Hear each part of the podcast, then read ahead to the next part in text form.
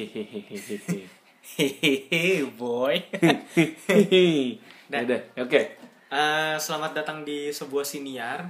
Episode 20 ya. ya, episode Eh, 20. Episode episode 20 Eh, update. update. Ya, lu ngomong. Update-nya Ayo ya? ngomong. Update-nya Ngomong. Ayo ngomong. Iya, Bapak. Ngomong. Lama banget. Update-nya Apa? Udah 1100 yang dengar. Ya, Makasih buat Makasih semua semuanya yang udah dengerin dan yang belum dengerin dengerin ya. Iya. Ya yang belum dengerin gak bisa Gimana dengerin sih, Dok. Gimana sih, Dok? Gimana caranya mereka dengerin kalau mereka belum tahu? Nah, itu dia. Lihat di eh, oh, oke. Tolong ya para pendengar setia Iya. siniar untuk Tolong di-share. Eh, eh, nge-share, Nge-share. Spam aja. spam aja. Enggak sih, jangan jangan spam. Kalau misalkan sampai di report derita lu. Iya. yang di-report kan lu ini ya, bukan Iya. linknya kan. Mm, bukan gua. Iya. Yaudah lu lu share di grup WhatsApp. WhatsApp keluarga, WhatsApp bapak-bapak, WhatsApp ibu-ibu, WhatsApp gosip kayak terserah lah lu punya WhatsApp apa. Bahkan lu di official line yang bokep-bokep silahkan kalau lu mau share. Anjir lah. Iya kan banyak. Oh, tapi kita ada yang ngomongin sih. Apa? Yang kemarin Apa tuh? Episode 18 kalau nggak Iya salah. kan? Iya kan kita ngomong. Padahal cuma satu kata doang ya. Iya, lu ngomongin. Nah tuh, lu kalau mau lu sebar di grup bokep lu silahkan. Kalau yang punya, kalau- yang nggak punya jangan. Jangan, ya jangan Ya, bokep jangan juga punya gitu kan. Maksudnya yang umum-umum aja. ya kali gitu kan. Terus grup apa lagi? Grup shit posting kayak gitu lu lu share juga nggak apa-apa sih sebenarnya. Iya. Kalau boleh, tapi kan kalau nggak boleh ya udah jangan. Tapi kalau di grup kerjaan ya, ya cuman hanya untuk membahas hal-hal pekerjaan jangan. Ntar lu di kick gitu kan. Iya, jangan. Atau lu di, di dipecut gitu kan, jangan lah ya. Ah, lah dipecut. Oh iya, eh, update selanjutnya gue kayaknya ada mau kolaborasi sama Siapa? adalah satu kawan gue Eh, weekend weekend ini kayaknya tanggal 9 tanggal 9 Agustus gue bakal ketemu sama dia Di mana? belum tahu tapi dia dari Bandung soalnya Oh, dia salah satu orang yang cukup berpengaruh juga buat Di? sekarang dia Di? anak ITB oh, dia yang bikin metagraph oh, jadi kita mau ngobrol dulu sama dia mungkin bakal collab karena gue bilang bakal collab ya. gue gue gue ngomong ke dia sih kayak ya udah kita collab aja oh ya udah boleh boleh Hmm. nanti gue ajarin lah gini gini gini Iya. pokoknya intinya ngebahas kayak gitu nanti Kayak gitu um, apaan kayak gitu? dia ada dia ada proyek sendiri Oh, nah gue disuruh bantu juga ikutan ya udah ya itu ya. Jadi ke Bandung Gitu. dong. ntar? enggak gue di Ja- ya di Jakarta aja ketemu Oh, kirain kita ke Bandung. enggak enggak terus eh, udah itu aja update nya oh iya Itu giveaway belum Giveaway jalan. belum ada ya karena gak ada yang respon ya udah jadi kalau misalnya emang kalian mau melupakan giveaway juga nggak apa-apa dengan senang Jangan. hati. Ya abis gak ada yang respon gimana dong? tapi gue udah gue udah Apa? lihat beberapa orang yang eligible Maksudnya Eh, orang yang apa ya bisa dibilang ya layak untuk dikasih giveaway. nah iya layak untuk dikasih giveaway Nah, ya udah. nanti kita ngasihnya kita tinggal tanya aja lu maunya apaan gitu Contohnya Aldo ya. Iya, misalkan ya udah kita kasih Aldo aja. Gitu. Enggak maksudnya yang contoh yang diberi, orang yang diberi itu Aldo gitu. Lu pembawa acara kurang Nggak ajar. apa sih, kan. Yang bayar lu juga. iya. Itu namanya beliin buat diri sendiri Iya. namanya. Nggak apa-apa dong. Kan gi- lu. giving re- apa reward for yourself gitu kan. Ayo sekali-sekali Apaan gitu sih? kan. Nggak jelas banget lu, Dok. Iya, iya, iya. Ya, Deh. udah. Terus Eh, update-nya udah segitu nah, doang. kita bahas apa nih?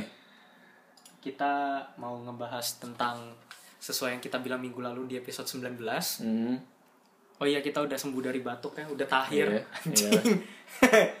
Gila dua minggu sekali gitu. Dua Semoga aja dua, lu lihatnya dua minggu lagi gimana. Gua kalau gue serak lagi udah tuh siklus berarti itu. Iya, siklus tuh berarti. Gila sih siklusnya. Eh, Iya. kita ngebahas tentang belajar jadi manusia. Ya. Jadi sebenarnya teori belajar jadi manusia ini eh, ada di teori-teori psikologi humanistik ya Heeh. dan psikologi holistik Heeh. Cemiu. Correct me if I'm wrong soalnya gue udah lama baca. Cuma Hmm. eh fenomenanya sih sebenarnya banyak banget orang yang Ngakunya manusia tapi bukan manusia. tidak memanusiakan manusia. Kan minggu lalu kita udah ngebahas tuh tentang HR yang humanis kan. Hmm. Nah, sekarang kita lebih spesifik lagi gimana caranya jadi manusia yang humanis gitu. Iya. Jadi gini, sebenarnya Hmm.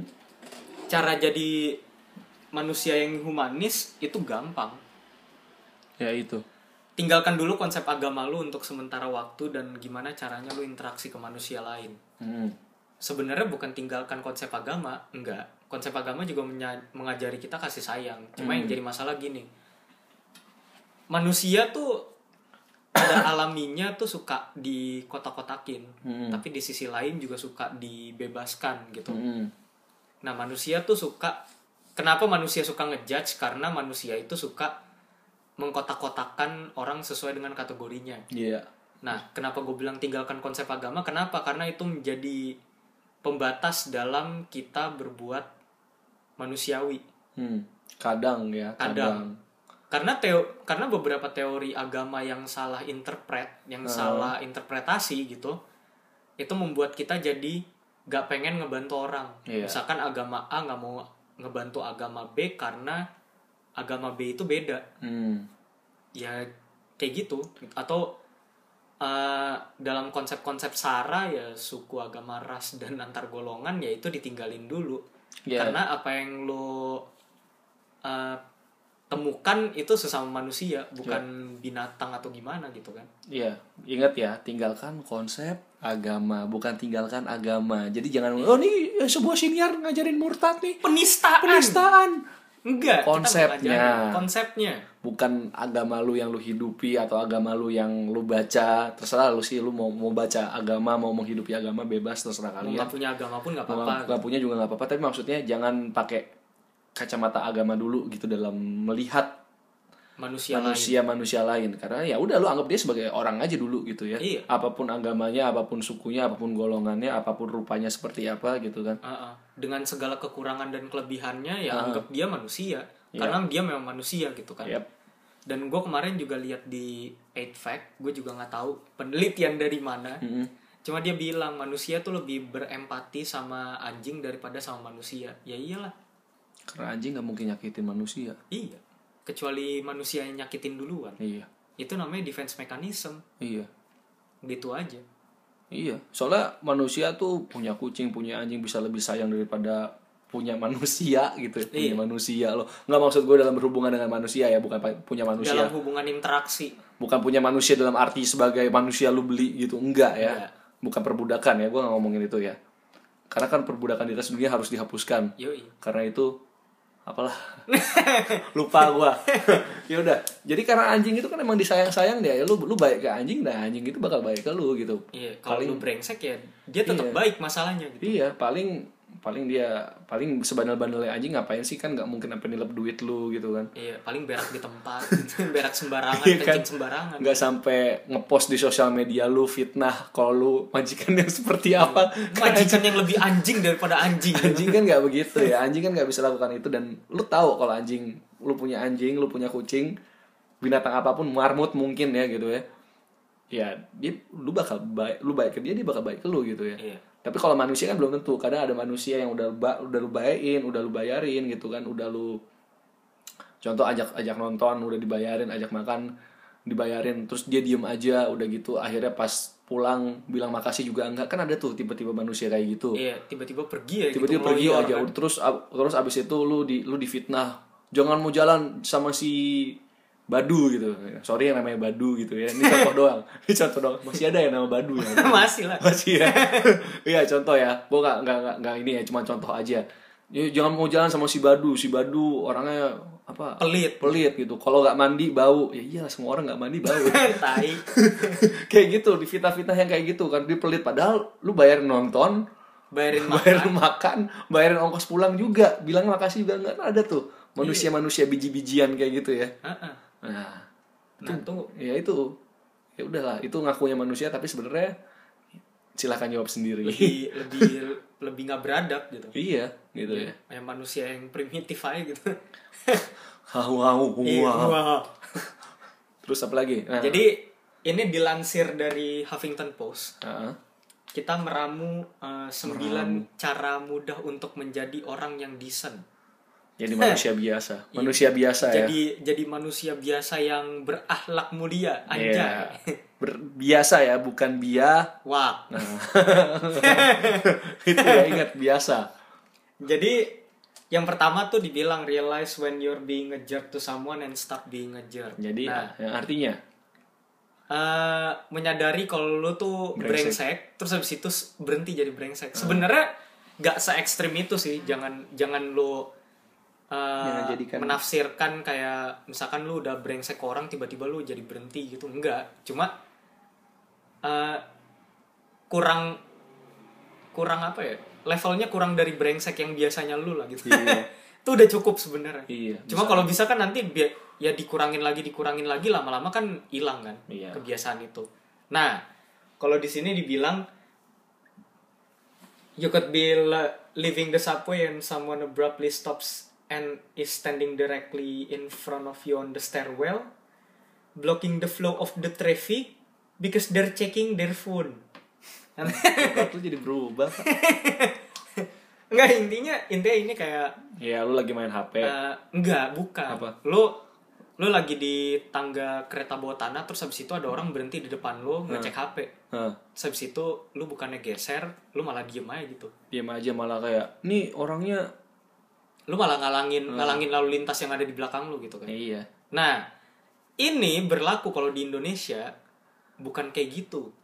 ngobrol ketemu teman Iya. eh apa kabar dia oh jalan udah sempit gitu ya Ah, jalan udah sempit, terus habis itu misalkan eskalator Ah. gitu, lu berdirinya kiri kanan, padahal sebenarnya kiri itu buat berdiri doang, kanan itu buat jalan terus Ini yang, kan. yang, yang paling sering ya di pintu masuk Iya. masuk mall atau pintu masuk toko. Eh apa kabar? Gitu kan. Terus habis itu pelukan dulu, ngobrol, dulu, Ngobrol kapan arisan lagi? Gitu kan. kayak eh sos makin cantik aja. Padahal dalam hatinya nggak pakai kosmetik palsu aja. Ya kan begitu tuh biasa tuh kan ayo ngaku. Ngaku bener nggak Ya ya, misalkan kayak gitu atau kayak bapak-bapak kan, "Woi, apa kabar, Bro?" gitu kan. Iya, Terus habis itu berhenti aja gitu di situ.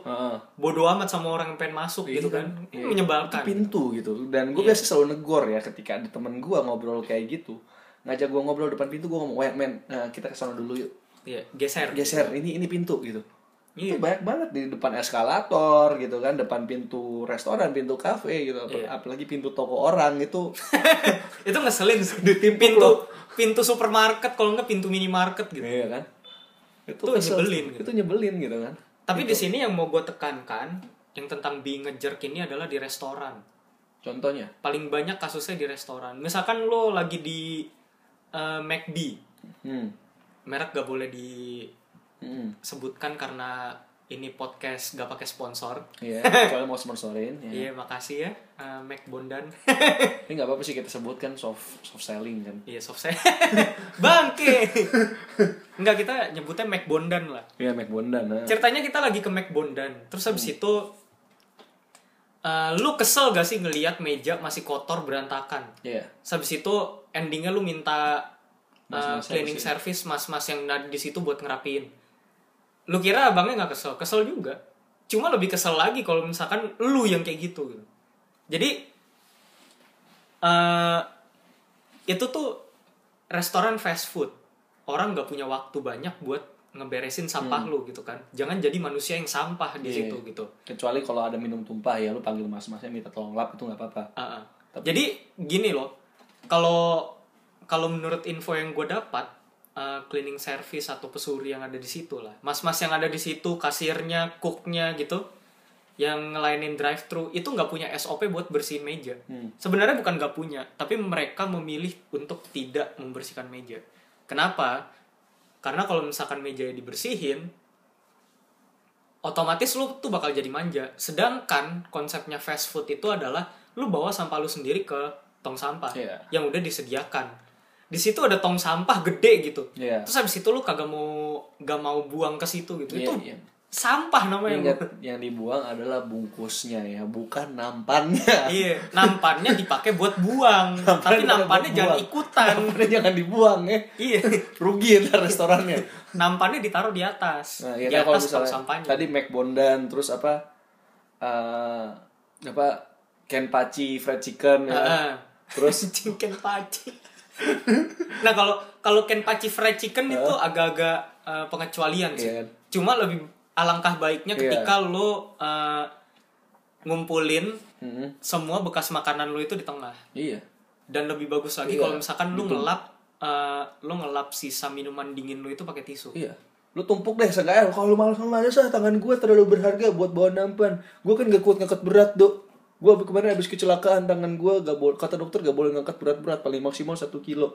Ya lu tumpuk aja nampannya gitu di satu di di satu di pas di tengah Heeh, pas di di tengah tengah. meja terus habis itu sisa makanannya ya lo Iya, taruh, taruh di, di situ, atas gitu itu dah. gitu kan kalau misalkan lu punya anjing di rumah ada sisa makanan tulang-tulang lu minta tisu ke kasir, lu bungkusin ya nggak apa-apa. iya mendingan anjing minta lu. tisu gitu kan Iya, buat bungkusin tuh sisa-sisa makanan ya tulang-tulang atau apa pun itu. Ah, bapak tua bapak tua Bapak tua.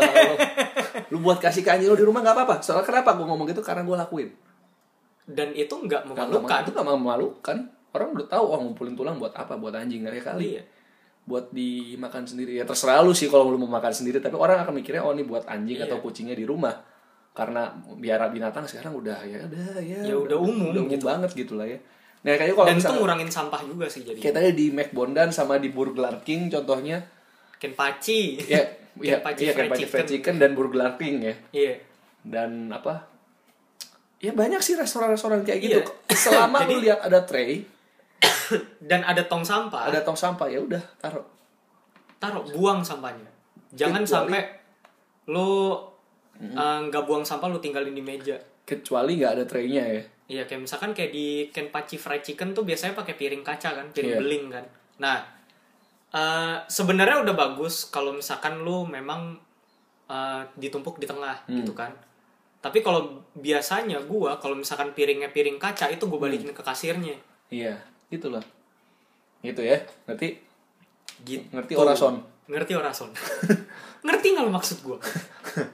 nangkep gak Nangkep gak? nah itu ya contohnya ya contohnya hal kecil aja Ya, gitu. itu contoh itu contoh yang paling kecil. Soalnya eh, kebanyakan orang-orang di tempat-tempat yang kayak gitu, kayak misalkan di Starbucks gitu kan, Heeh. udah tahu gelasnya di meja, Heeh. terus habis itu dia nggak mau buang gitu. Padahal di situ ada tong sampah. Ya tong sampah Iya. itu fungsinya buat apa ya? Lu buang sampah lah, Jing. Masa itu jadi pajangan doang gitu kan? masa itu buat lu iya lu nggak pernah kan lihat tong sampah oh ini router wifi gitu Iya. nggak tahu sih kecuali soal kalau ada yang mau bikin ya router wifi tong sampah tuh gimana. Enggak, tapi maksud gue gini, kebanyakan orang tuh nggak disiplin Iya. gitu sama hal-hal yang kayak gitu. Jadi lu sebenarnya membuang waktu mas-mas yang ada di situ yang seharusnya dia bisa mungkin ngelap meja lu atau nyapu di bawah karena lu makan berantakan Iya. gitu kan. Nah, makan berantakan tuh nggak apa-apa, dia bakal nyapuin. Iya. Tapi di saat lu nggak bersihin mejanya juga, itu membuang waktunya dia buat kerja yang lebih efisien Iya. gitu. Sedangkan restoran fast food harusnya efisien. Lu nggak boleh nyusahin orang lain kecuali diri lu sendiri. Gitu Iya. aja. ini sekarang lu gini deh lu kerja nih ya yang yang, yang pada kerja nih ya. ketika bos lu nyuruh lu melakukan hal yang di luar SOP Mau nggak lu? mau nggak lu enggak kan Misalkan kayak lu anak HR terus disuruh, nih hitungin dong nih bikin buku besar Iya, gitu. Kan nggak mungkin lu bisa Nggak, gitu. iya kan lu to- tolong editin video dong Iya. Padahal perusahaannya perusahaan bangunan gitu kan. iya padahal dia udah ada tim kreatif sendiri gitu Iya. Nah kayak gitu-gitu kan nggak mu- bukan nggak mungkin lu mau tapi nggak mungkin lu bisa juga Iya gitu kan? kan. Kecuali Pusing ya kan? lu bisa, ya lu pasti nggak mau juga. tapi pusing kan lu udah udah udah punya kerjaan sendiri gitu di situ Iya dan gaji lu nggak nambah gaji lu nggak nambah juga kan nah Iya. ya udah gitu aja gitu mindsetnya. pikirnya sama gitu ya udah orang lain juga sama tuh or temen apa teman-teman yang kerja sebagai karyawan di restoran gitu ya di restoran fast food ya dia emang kadang bawa lap buat ngelapin meja kayak kalau misalkan ada kotor-kotor gitu ya, Iya, tapi ada ada noda-noda sisa tepung kulit ayamnya eh, gitu kan. atau mungkin ada minum tumpah ya Eh, iya Sambel gitu kan. ya iya tapi kan nggak tiap orang kayak begitu kan nggak tiap orang makannya numpahin minum kan Iya dan dan gak semua dan harusnya tuh ya balik lagi lebih disiplin lagi kalau emang di situ ada tong sampahnya ya lu buang. Iya. udah. tong sampah tuh dibikin buat apa gitu ya udah buat naruh sampah, bukan buat baca buku ya bukan buat naruh elu gitu kan. ya kalau lu mau naruh diri sih nggak apa-apa sih. Merasa, oh, ini Sadar diri gitu kan. ini rumah gua gitu kan lama nggak pulang ke rumah ya nggak apa-apa sih ya Ya tapi maksudnya gitu sih. Pokoknya ya intinya ya kalau misalkan lu udah sadar kalau itu makanan lu dan lu nggak boleh nyusahin orang, berhenti. Iya. Berhenti nyusahin orang. Iya. Buang sampah pada tempatnya. iya Lagi di jalan juga kalau misalkan lu punya sampah kantongin aja dulu gitu. Mm. Apa salahnya sih lu ngantongin sampah gitu kan? ketemu tong sampah ya buang Iya, ketemu tong sampah buang. ya ketemu temen lu kasih ya kalau temen lu pengen buang sampahnya sih nggak apa-apa kalau misalkan dia nyampahin sembarangan kan nggak enak kan iya sih. Gitu aja. Lu ngaca do lu sendiri juga sering ngasih teman sampah kan. Biasa gitu gitu buat Ya. gua. Ya setidaknya ya setidaknya kan kalau misalkan dia buang ke tong sampah ya bagus. Iya, kan? kalau dia buang sampah sembarangan itu udah salah Ka- kalau buat bercanda nggak apa-apa ya tapi kalau buat serius ya jangan ya. Jangan. sering kali kan gua eh, gua misal bawa botol aqua kosong gitu kan Hmm. ketemu teman gua eh lihat tangan lu dong. Dilihat kan. Ya, terus taruh terus gua gitu. taruh. Nih ini tukang bakso pakai speaker ya kak? Kenceng amat ya bakso bakso sate Enak enak ya terus Deh. apa? deh Habis itu yang Nomor dua. kedua uh, become more open minded Iya. immediately. Jadi intinya sih sebenarnya nah lu kayak tadi mau ngejelasin sesuatu dong. Silakan jelaskan. ya nih gua ngomong ya soal open minded nih ya open minded itu apa pengertiannya pikiran yang terbuka kan Ah, jadi lu lu terima eh, bukan lu terima lu denger dulu masalah terima nggak terima belakangan. belakangan nah itu open, pengertian open minded nah tapi sering makin sini open minded di, diperkirakan jadi sebagai sesuatu ya lu harus terima dong ini kan ide baru ini kan eh, suatu paham yang baru. Lu harus open minded lu harus open minded dong sama ini lu harus setuju, setuju dong sama gua. Nah, itu salah. nah, itu salah. Open minded apa open minded kok dipaksa? Nah, open minded salah satunya juga adalah ketika lu ngelihat orang berantem, hmm. Terus habis itu lu ngelihat satu satu sisi ceritanya dia. Hmm. Nah, musuhnya harus lu dengerin juga. Hmm. Itu open mindedness. nah itu kalau lu jadi mediator ya itu di saat lu jadi mediator.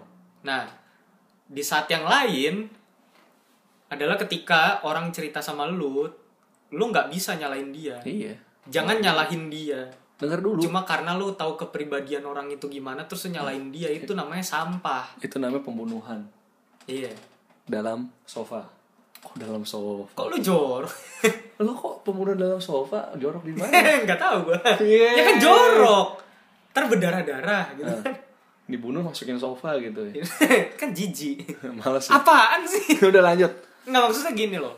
Eh, beberapa orang yang gue kenal, Hah? jujur-jujuran aja, banyak yang ketika gue curhat, ketika gue cerita, mereka tuh langsung bilang, ya lu sih gini gini gini gitu kan. salahnya Iya. Terus habis itu gue pernah sampai nanya ke orang itu gitu kan, yang ngapa? Eh dia bilang, kok lu nggak mau terbuka sih sama gue ya? Gue bilang, gue nggak mau terbuka sama lu karena toh pada saat gue cerita, lu bakal nyalain gue. iya ngapain Terus tahu responnya dia apa? Dibilang gini, karena gue tahu kepribadian lo, jadi lu pasti nggak mungkin benar. itu, Itu kan udah- kita lihat dari kepribadian lo. Itu fuck up. Kalian sampah. lo tahu apa soal kepribadian orang gitu Pertama itu, kedua mood siapa yang tahu. nah Yang ketiga, ya bukan tempat lu buat ngejudge orang di situ gitu loh. iya Maksudnya di mana-mana emang bukan tempat lu buat ngejudge, tapi Iya. apalagi khususnya di hal-hal yang kayak gini gitu. apalagi lu bawa-bawa pribadi istilahnya lu lu Iya, lu tau, kayak- lu tau pribadi dia apa MBTI Iya, kalau cuma MBTI doang gitu kan. MBTI lu apa, Dok? INTP Gua IDFC, I don't fucking care. oh. ya udah gua ganti deh emang ada Enggak, tapi memang ya balik lagi ke manusianya gitu. Nah. Lu tahu lu tahu kepribadiannya kayak mana, bukan berarti lu dengan bebas menghakimi dia Iya. dengan uh, ceritanya dia yang dia nggak salah di situ gitu kan. dengar dulu lah Dengerin dulu. Jadi orang yang punya empati tuh baik loh, gitu loh. Iya. Denger dulu aja, dengerin. Kalau misalnya lu nggak mau dengerin ya udah bilang aja ah ah gua sibuk nih, gua nggak konsen denger lu, gua nggak minat denger cerita lu apa. atau gue lagi nggak bisa denger cerita Iya. lo karena apa gitu kan misalkan karena mungkin mood gue lagi turun Iya. jadi gue nggak begitu bisa eh, masukin Hmm. cerita atau sense yang negatif gitu kan bisa gitu Ngomong apa-apa. aja. ngomong aja jujur tuh lebih baik gitu kan daripada bohong ya iyalah anjing Iyalah. cuma maksudnya gini eh, jadi jadi orang tuh ya dengerin dulu gitu. Ya Hmm. open minded itu salah satu komponen terbaiknya itu empati gitu. Ya. ya seperti yang gue tekankan empati itu adalah uh, kunci utama untuk menjadi manusia yang menyayangi manusia lain gitu kan. Yang memanusiakan manusia lain gitu. Kayak yang tadi yang pertama kalau lu nyadarin uh, lu buang sampah di tempat yang benar terus habis itu lu simpen nampannya itu lu udah belajar berempati sama mas-mas yang kerja di situ Hmm. mas-mas yang kerja di situ ngerasa kalau waktunya nggak efisien Iya. ya mulailah merasa seperti itu lo harus ngerasa gimana rasanya kalau lu jadi mas-mas itu kalau lu jadi mas-mas itu waktu lu nggak efisien cuma buat bersihin satu meja doang nggak penting Iya. jadi gimana caranya solusinya gimana lo buang Apalagi kalau lagi rame, lu udah lagi rame masih nyalain ini mas-masnya ngapain sih gaji buta ya? Nah kalau udah ngomong kayak gitu ya selamat anda manusia sampah gitu. Iya. Iya, ya gue gue ngomong bisa salty kayak gini kenapa? Karena gue melihat banyak orang yang kayak gitu gitu. Yang bilang kalau mas-masnya gabut lah. Ya iyalah gabut. Lu kira itu punya dia gitu kan? Nah, lu kira itu barangnya dia buat dibuang. Ya lu buang sampah lu sendiri sampah gitu. Itu kayak lu berak terus gak disiram masih nyalain cleaning service. Ini gak disiram ya? Iya. Terus Terus itu emang ini siapa yang berak? Saya yang berak gitu kan? Ya udah siram sendiri anjing gitu. Ya udah sama gitu kan. Istilahnya ya udah itu flashnya ada di situ gitu. Flash tinggal tut gitu. Iya tinggal pencet doang gitu kan. Tinggal apa sih? Tinggal diputer, Diputer gitu gitu kan. kan. Knopnya tinggal diputer. ya udah. Kenapa lu harus butuh orang lain kalau lu bisa lakuin sendiri Iya, gitu kan? mau dicebokin. Sekalian gitu iya kan. dicebokin sekalian gitu sama mas-masnya silakan sih lu kalau ya udah lu kelihatan kalau lu itu ya udah bilang sendiri lu itu apa gitu ya Iya, sebut sendiri. sebut sendiri Lu tuh orang yang gimana gitu. Nah, ya tadi terus soal open minded dan gue juga mau ngomongin adalah gimana dengan open minded yang eh, ada orang nggak mau open minded, haruskah kita open minded ke orang yang nggak mau open minded? Nah, lu pusing gak lu? Itu toleransi Oh iya. masuknya. Nah, eh, kalau lu tahu ada eh, filsuf namanya Karl Popper. Ah, Karl Popper itu pernah bilang kalau misalkan eh, ada yang namanya teorinya paradox of tolerance. hmm, Tolera eh eh, paradoksi toleransi Hmm. anjing. paradoks toleransi, sorry. Kata-katanya nggak KBBI banget gitu. hmm, Nah, eh, ada komiknya juga bisa lu cari di Google gampang lah gitu kan. Eh, pokoknya intinya dia bilang gini, eh, haruskah kita eh, mentoleransi masyarakat yang mentoleransi intoleransi? hmm. Nah, bingung gak lu? Ya. Nggak, jadi kayak gini intinya. Eh, perlukah kita mentoleransi orang yang gak toleran? hmm. Intinya gitu. Co- contoh deh, contohnya kayak Nazi gitu, misalnya pas Iya. lagi zaman Nazi. Nah, mereka selalu bilang kalau misalkan lu mau toleransi, ya lu harus menghormati ide mereka, gitu kan? Jawabannya enggak. Jangan pernah mentoleransi orang yang tidak toleran. Hmm. Intinya kayak gitu. Kenapa? Iya itu paradoks. Padahal kan diajarin kalau lu namanya toleransi itu harus mentoleransi semua orang dalam sebagai eh dalam berbagai eh, hubungan gitu kan. Misalkan kayak lu temenan lu harus mentoleransi mereka yang beda agama. Iya, gitu kan. Hmm. Tapi ketika mereka memaksakan idenya, memaksakan interpretasinya yang udah salah, Hmm. terus toleransi, itu namanya bukan toleransi. Hmm. Itu namanya enabling. Enabling itu adalah memperbolehkan tanpa ada filter yang ada. Hmm. Lu asal ngebolehin aja gitu. Itu namanya lu buka gerbang, bukan buka buka slotnya dulu terus lu tanya siapa ya gitu. Nah, kalau kata Karl Popper eh itu tuh paradoks. Mentoleransi orang yang tidak toleran itu nggak boleh. Hmm. Tapi itu paradoks. Tapi toleransi yang tidak terbatas itu mematikan toleransi itu sendiri. Iya. Katanya gitu. Kalau semua semuanya lu bolehin gitu ya. Anggapnya diri lu gitu. Ya kan kita harus open minded, kita harus terbuka sama segala hal. Makan makanan yang dulu udah tahu itu basi. Ya kan kita harus terbuka sama segala hal dong. Tetep lu makan, besoknya lu diare. Terus habis itu tiga hari kemudian lu mati. Terus lu nyalain. Keracunan salmonella. Terus lu nyalain gitu. Pas lagi diare gitu lu nyalain. Ini yang ngasih gua sih nih. Ya. Bangke sini gitu. Bangga sini. Ya kan gua cuma toleransi. Jadi ya nggak apa-apa dong harusnya. Ya itu salah lu yang udah. makan gitu. Itu nggak boleh sebenarnya. Jadi contoh gini, simpelnya ya. iya. Ketika interpretasi itu salah Hmm. dari kaum sebelah, Nah, dari situlah lu tidak boleh men- tidak boleh mengenable mereka, tidak boleh Hmm. mentoleransi mereka. Dengan cara apa? Sebenarnya kata-kata toleransi itu terlalu kuat sih. Jadi Hmm. ada kalau kata Karl Popper itu ada tiga teorinya. nah, Pertama itu eh, tadi gue kasih tahu apaan sih gue lupa. pokoknya eh, ada toleransi oh ignorance Nah, tolerance yang ketiga Acceptance. acceptance nah di tahap ignorance ignorance itu adalah lu cuek hmm. Ya udah lu jalanin jalan lu lu ja gue jalanin jalan gue Iya, inilah gitu. jalan ninjaku gitu. iya kayak gitu kan kayak inilah jalan Hokage gitu kan Iya.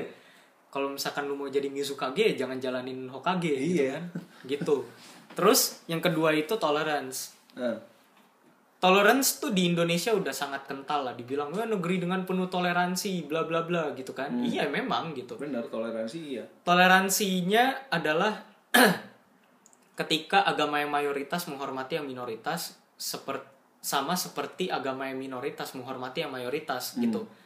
Tapi ketika salah konsep, ketika agama yang mayoritas itu salah konsep terhadap agama yang minoritas, terus habis itu agama minoritas itu diem aja, itu sua- sesuatu hal yang salah Nah, gitu. Yang minoritas itu bukan berarti harus ngelawan, enggak. Tapi mereka harus meluruskan konsep mereka yang udah salah. iya. Intinya kayak gitu. Jadi lu ngelawan, bukan ngelawan tuh tonjok-tonjokan, enggak. Lu ngelawan tuh bukan perang, kagak juga gitu kan. Hmm. Tapi lu jelasin, sebenarnya konsepnya kayak gini loh. Kalau misalkan lu nggak setuju, setidaknya gue udah ngasih tahu Hmm. gitu. Toleransi adalah ketika konsep A itu konsep A, konsep B itu konsep B, lu tahu masing-masing, tapi dalam tingkat ya udah jalanin jalan sendiri, tetap. Iya. Bukan berarti menghargai, lu cuma tahu aja. Menghargai sih enggak, tahu aja. Intinya gitu. Iya. Nah, yang dibutuhkan sama negara kayak Indonesia itu bukan toleransi lagi. Toleransi tuh udah busuk lah istilahnya. Bukan sebenarnya bukan busuk sih basi. Gak basi juga sih. Sebenarnya itu harus dipupuk terus. Cuma terlalu ketinggalan zaman ketika lu bilang cuma toleransi aja. Apa yang dibutuhkan? Ya acceptance, aksepensi, penerimaan. Acceptance itu ketika lu tahu konsepnya dia kayak mana karena dia cerita ke lu dan lu menerima dan lu menghargai itu gitu. Dan lu cerita ke dia dan dia menghargai itu. Dalam jadi tetap jadi tetap eh, normanya dua arah gitu. dalam arti gini ya. Lu punya agama A, dia punya agama B. Lu tahu agama A begini, lu tahu agama begini, lu tetap pada agama A, dia tetap pada agama B, udah. Dan lo saling menghargai Dan itu saling mereka. hargai sebagai manusia. Itu ya. ketika ketika mereka em, merayakan hari mereka hari raya mereka Hmm. berikan selamat Dan- ketika kita merayakan hari raya kita mereka ngasih selamat gak apa-apa Hmm. ya gak ngasih juga nggak masalah tapi kita juga punya hak buat gak ngasih Iya. gitu kan dan jeleknya orang Indonesia ini ini gue kritik ya kalau ngomong soal toleransi adalah eh nyamanya dalam contoh agama aja. Nyama nyamain Hmm. contoh ya Kristen sama Hindu. Kristen punya Trinitas Hindu punya Trimurti. Terus ngomong iya Kristen sama Hindu kan sama Tuhannya tiga. Trinitas beda sama Trimurti men. Trinitas itu tiga jadi satu. Trimurti itu tiga yang emang benar-benar beda. Tapi dalam satu kepribadian sebenarnya. Tapi dalam satu kepribadian tapi tiga tujuan. Ngerti Iya. tapi kalau tiga trinitas itu tujuannya sama dengan cara yang berbeda nah ini kalau gue ngomong maksud lu gimana dok panjang bukan koridornya gue di sesi ini ya googling aja googling aja kalau nggak tanya langsung ke gue karena itu uh, salah satu fallacy yang cukup fatal menurut gue menyamakan agama lu dengan agama orang lain Iya. Nggak ya usah. maksudnya ajarannya sama gitu. Secara Iya. umum agak ajarannya sama adalah mengasihi mengasihi sesamamu Hmm. dan takut akan Tuhan. Iya. Intinya kayak gitu. Cuma yang jadi masalah adalah ketika lu berusaha nyama-nyamain. dan itu malah bisa jadi perangan di situ tuh Dan yang jadi masalah adalah ketika lu menyama-nyamakan, lu memaksakan kehendak lu kalau itu sama, terus lu nyalain mereka. iya Ya lu kan gak ngerti, gua dong ngerti. Ya lu siapa? iya, Koridor lu bukan agama lu gitu kan. Nah, kalau lu sama-samain kayak gitu, jadinya apa? Ya itu jadi konflik. Iya, jadi konflik. Karena samain, ya jelas berbeda gitu konsepnya. Iya. Tapi lu karena lu dengan persepsi lu, lu menurut lu sama, Terus habis itu lu paksakan, lu paksakan ya udah. itu adalah aksi intoleransi. Iya. ketika lu memaksakan eh, interpretasi lu ke mereka Hmm. nah itu salah gitu Iya. lu nggak lebih jago daripada mereka yang memeluk agama tersebut gitu kan Iya. jadi lu yang di luar ya jangan banyak gaya udah intinya kayak gitu aja Iya. sebenarnya gitu. Terus tambah lagi gini ya. ini gue dalam dalam masih koridor toleransi di Indonesia ya lu dari agama A pindah ke agama B pas waktu di agama A KTP doang Da- eh, baca kitabnya juga enggak ibadah juga jarang cuma Pokoknya denger, jadi orang yang rusak banget cuma lah. denger dari apa kata orang pas di agama B Lu jelek-jelekin agama A. lu jelek-jelekin agama A Nah itu juga salah, itu nggak boleh. itu ngapain gitu siapa lu jelek-jelekin agama A Dan sebenarnya ada satu lagi sih. Apa? Ketika orang pindah, Hah? kan ada tuh yang bilang eh, apa? Ya eh, bagus dia pindah, dia berarti udah ngerti eh, agama mana yang benar. Nggak ada agama yang benar. Agama yang benar itu yang menurut lu sendiri. Menurut pemeluknya ya agamanya benar. Tapi lu nggak bisa bilang agama orang lain salah. ini gue ngomong dalam konteks ini ya konteks kemanusiaan ya Iya, bukan konteks perdebatan teologis ya kalau per konteks perdebatan teologis beda cerita. beda cerita ini gue ngomong dalam konteks kemanusiaan bukan Dan- berarti dan ketika lu bilang terima kasih eh dan ketika lu bilang ya bersyukur kalau dia udah pindah gitu. Enggak itu haknya dia itu agamanya dia itu privasinya dia. Kalau Iya. misalkan dia pindah agama ya udah. Sama tuh lagi sih. Ngapain lu bilang makasih? Ngapain lu bilang bersyukur buat apa? Nggak ada gunanya gitu kan? Lu, lu juga masih lihat ngomong bersyukur atau apa dia pindah agama karena apa? Iya. Bener Ada dengan pemahaman yang bener kalau atau misalkan pemahamannya salah. pemahamannya salah atau cuma karena diancam atau cuma karena modal buat melakukan sesuatu yang harusnya emang gak perlu pindah agama tapi disyaratkan pindah agama Iya ada juga kan ada juga kayak gitu nah itu ya lu lihat aja Nah itu tuh kalau menurut gua buat orang yang pindah agama ya itu hak lo. Dan gak ada yang bisa bilang bersyukur atau gimana enggak. Itu hak lo. Udah itu jalan hidup lo. Gak ada yang harus disyukurin. itu jalan ninja lu Iya. Itu jalan ninja lo jadi Hokage. Iya, udah. Dan ya ya udah kayak begitulah ya Terus Jadi apa- tuh apa lagi eh dibilang kalau di sini eh, any movement that preaches intolerance and persecution must be outside of the law. hmm. Terus as paradoxical as it may seem, defending tolerance requires to not tolerate the intolerant. Gitu. Jadi untuk mempertahankan toleransi eh, diperlukan intoleransi terhadap orang yang intoleran. Ya, jadi kalau misalnya lu ada sering denger berita-berita soal orang pers- perkusi gitu ya. Perkusi anjir, persekusi. ya, itu itu intoleran dan itu intoleran harus diintoleransi. iya, itu intoleransi yang harus diintoleransi gitu. Karena ketika lu mentoleransi itu uh, memperbolehkan itu karena iya kan dia salah gitu ya. Itu hak dia buat salah, tapi bukan hak lu buat menghakimi dia. Udah itu aja. Iya. Begitar. Ya, itu poin dua aja udah lama banget dan sekarang udah 38 menit Bodo gila. amat.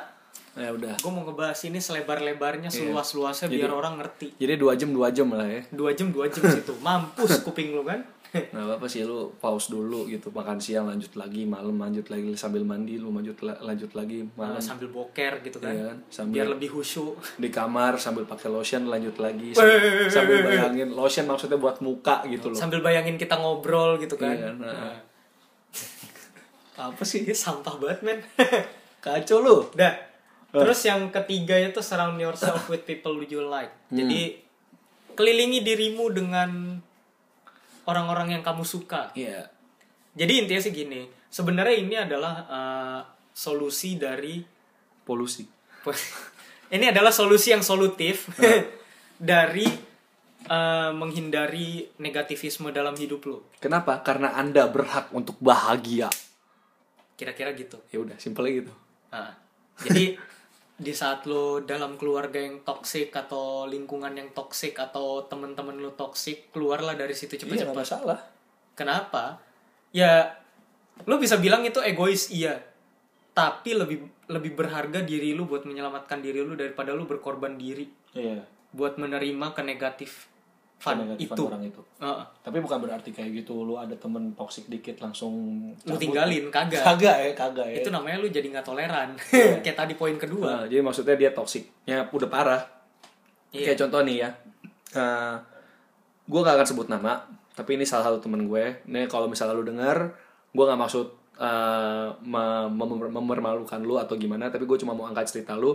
supaya jadi contoh buat orang-orang kalau orang dalam kondisi seperti ini ya keluar dari kondisi seperti itu nggak masalah jadi ada teman gue dia cewek dia dulu punya cowok mantan ya sebut ya punya mantan dia mantannya ini memaksa dia untuk in shape bener-bener bodinya the body the body ya kan? Pokoknya eh, Harus dengan porsi badan yang ideal ideal menurut dia. banget dan sampai satu titik cowoknya maksa dia untuk melakukan tindakan-tindakan yang arahnya ke eating disorder Oh, ah. terus ya di situ dia nggak tahan dia nggak tahan Hah? lanjut lanjut. ya dia nggak tahan dan dia nggak tahan dan akhirnya uh, ngekat hubungannya menurut gua sebenarnya nggak apa-apa nggak masalah karena itu hak dia karena uh, karena dia gimana ya istilahnya ya dia dia sebagai well being dia berhak untuk bahagia jadi kalau misal ada teman Human lu- being. ya well being ya Well-being. sebagai, sebagai human being Sebagai human being dia harus well being. Iya, dia harus punya well being yang baik gitu. Apalagi kalau misalkan udah dipaksa yang menuju arah-arahnya ke eating disorder dan uh, mungkin self konsepnya body image jadinya rusak gitu ya. Itu itu menurut gue udah parah loh. Itu udah merusak jadi. Itu udah merusak dan dia memutuskan hubungan itu nggak masalah. Iya. Emang harus diputuskan karena dia toksik sekali. Dan ya dia, dia cerita ke gua kelakuan mantannya nggak cuma itu ya banyak ya tapi ya ini gua Ini fokusnya karena uh, ke satu contoh ya Ke- karena ke sini. perilaku toksiknya itu maksa untuk lakukan hal-hal yang ke arah sana dan jujur orang kalau udah uh, udah melakukan yang namanya melakukan ngarang-ngarang ke disorder buat pulihnya ya makan waktu. Gue nggak bilang nggak bisa pulih. Bisa pulih tapi makan waktu. Mau waktunya mungkin sebulan dua bulan setahun. Dua tahun. dua tahun gak ada yang tahu. Tergantung orangnya tergantung lingkungannya. Banyak Tergantung niat hidupnya. karena banyak banget ya banyak banget yang bisa kita perhatikan kalau untuk orang itu pulih. Tapi itu salah satu contohnya. Memang banyak faktor-faktor internal dan, Dan, eksternal iya. gitu loh. itu menurut gue dalam konteks itu ya itu emang nggak bisa ditoleransi sih. Itu udah toksik ya udah emang Cut. saatnya cut Jangan sampai jangan lebih sampai rusak dari jangan itu. sampai lebih rusak daripada itu ya ini sorry ini kalau misalnya ini gue nggak maksud mempermalukan lo ya tapi gue mau angkat ceritanya supaya orang-orang yang mungkin dalam kondisi yang sama bisa segera memutuskan untuk caw dari lingkungan yang seperti atau itu setidaknya menjaga jarak dengan atau mereka. jaga jarak dan kalau nggak eh, misalkan lu bingung gimana ininya ya cari support di sekitar lu ya Iya. cari cari support aja pasti pasti ntar bisa lah lu memisahkan lu dari dari lingkungan toxic uh, significant others yang toxic gitu ya Iya, maksudnya ya mungkin lingkaran temen lu kecil gitu Nah. kan. Ya lu bisa eh, mencari komunitas baru gitu kan. Kalau emang lu nggak punya banyak temen nggak Hmm. Ya. masalah gitu. betul itu ya contohnya ya Ah. jadi ya toxic ya udah cabut lu kelilingi dengan yang positif positif itu bisa dari mungkin hobi lu apa main gaple ya udah Iya. silakan Eh, turnamen gaple internasional gitu. Iya kan? Heeh. turnamen gaple internasional nggak masalah. Mungkin ada lu di, di di toko game gitu kan turnamen gaple tiap bulan ya nggak apa-apa. Kalau misal itu bisa bikin lu seneng gitu kan. Iya. Ya nggak masalah. Terus misalkan gua, gua kalau misalnya gua masuk ke komunitas game tapi komunitas gamenya itu toxic juga gimana dong? Ya pindah game. Ya pindah. gak, gak usah pindah game dulu, pindah komunitas aja Ya dulu. pindah komunitas. usah Kecuali pindah komunitasnya toxic semua baru pindah game. Iya, kalau komunitas toxic juga berarti lu bisa menyimpulkan gitu kan. Iya. Game ini toxic, cabut gitu Iya, ya. toxic gara-gara orangnya juga gitu. Iya gitu ya. Gitar. Terus yang keempat itu love unconditionally. Heeh. Jadi intinya sih ini mencintai tanpa syarat kalau bahasa gampangnya. Susahnya, Heeh. kompleksnya itu adalah ketika lu mencintai seseorang jangan lihat dari latar belakangnya. Hmm. Di sini bukan konteksnya pacaran, Iya, bukan konteks pacaran ya. tapi mencintai seseorang. Heeh. Misalkan temen gitu kan. Ini gonggong loh. Tem elah. Nah, lanjut. Ya gonggong lah kalau dia kok- kalau dia ngeong ya patut dipertanyakan. ya anjir lah. Pokoknya intinya mencintai tanpa syarat. Heeh. Intinya gitu. Jangan sampai lu membatasi diri lu untuk mencintai seseorang cuma karena dia mempunyai kekurangan, Iya. apalagi fisik. Iya. Karena ya jujur-jujuran aja banyak orang yang nggak suka sama orang lain, nggak mau temenan sama orang lain, simply gara-gara dia gendut gitu.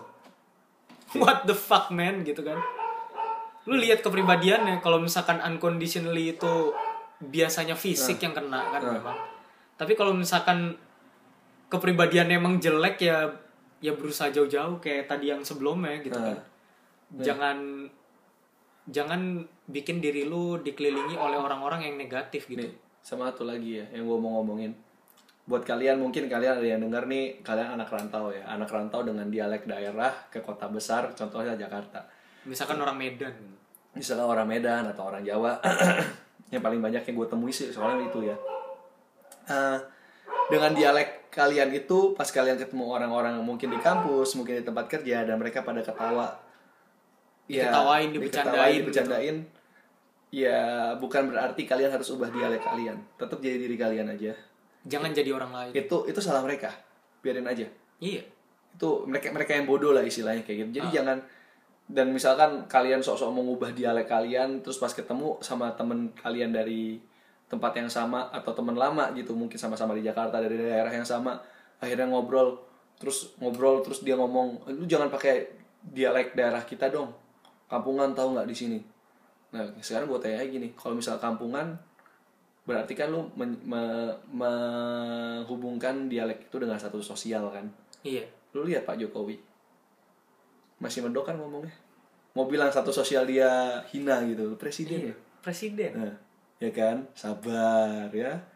Iya. jadi orang tuh sabar ya. Gayanya tuh masih Dia di kayaknya bawah. masih kayak gitu kan ngomong apa dia sabar. peduli dengan itu? Bodoh amat sama Bodo amat. dialek orang-orang niruin ya nggak apa-apa. Dianggap lucu ya nggak masalah. Tapi dia tetap jadi dirinya sendiri. Beliau tetap jadi, jadi Iya. dirinya sendiri dan lihat tuh satu sosialnya tetap lu presiden loh ya kan? Contoh. Contoh aja ya. Terus apalagi sih kayak gue pernah ketemu kalau nggak salah apa CEO juga. Gue pernah lihat deh CEO apa gitu medok juga. Iya jadi jangan jangan langsung lu kesimpulannya sih gini jangan jangan karena lu punya dialek ses, dialek atau cara ngomong tersendiri Heeh. atau gaya berpakaian lu gimana Hmm. jangan sampai itu uh, bikin orang jadi ngukur status sosial lu. Iya. Nggak masalah. Itu sama kayak yang dibilang uh, berlian mau dilempar ke lumpur juga tetap Iya. berlian tapi tai mau dilempar ke gumpalan emas tetap aja jadi tai. Ya udah. Gitu.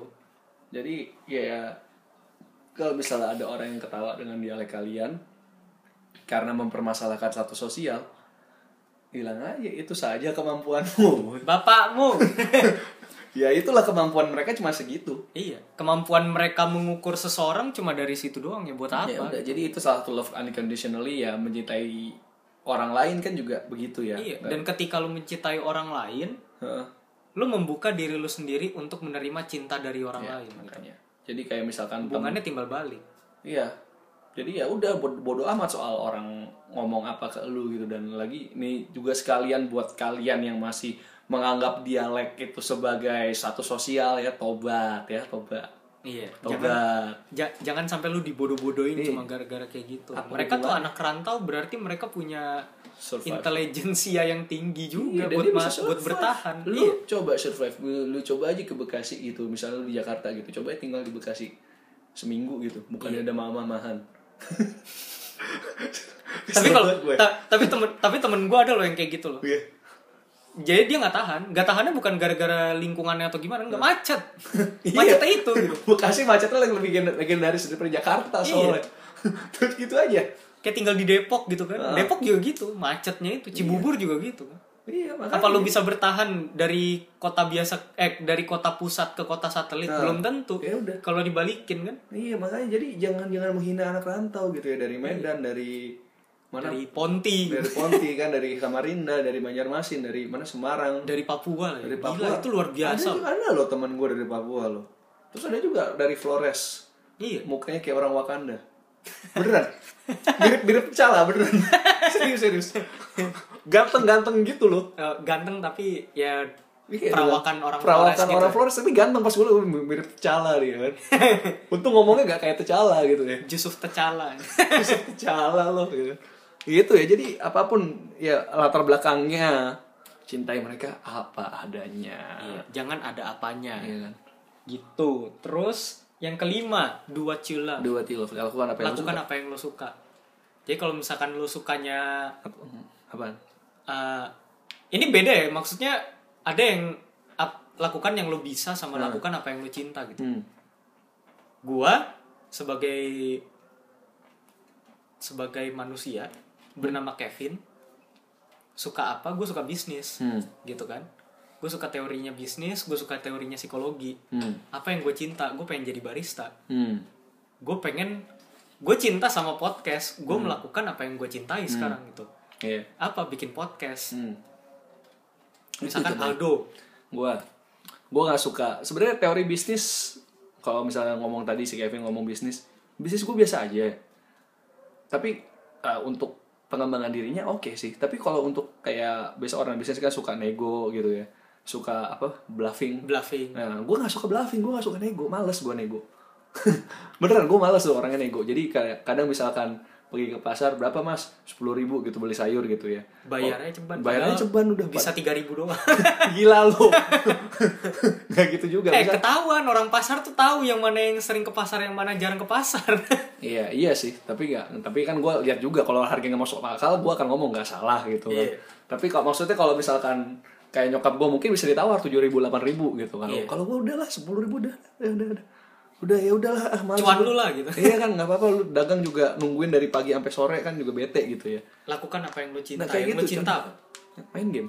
ya udah main, game. Iya. dan buktinya dia main game Iya buktinya gue main game gitu kan terus terus tadi apa lakukan yang lu cinta ya kalau misalkan gue ditanya tadi kalau Kevin jadi barista gue pengen punya biro psikologi gue gue gue mencintai psikologi iya tapi sebenarnya yang, yang yang paling pengen gue lakukan dari dulu apa bikin game Ya cuma gak kesampaian aja. suka gitu kan. cuma gak kesampaian aja. Yang gue suka bikin game.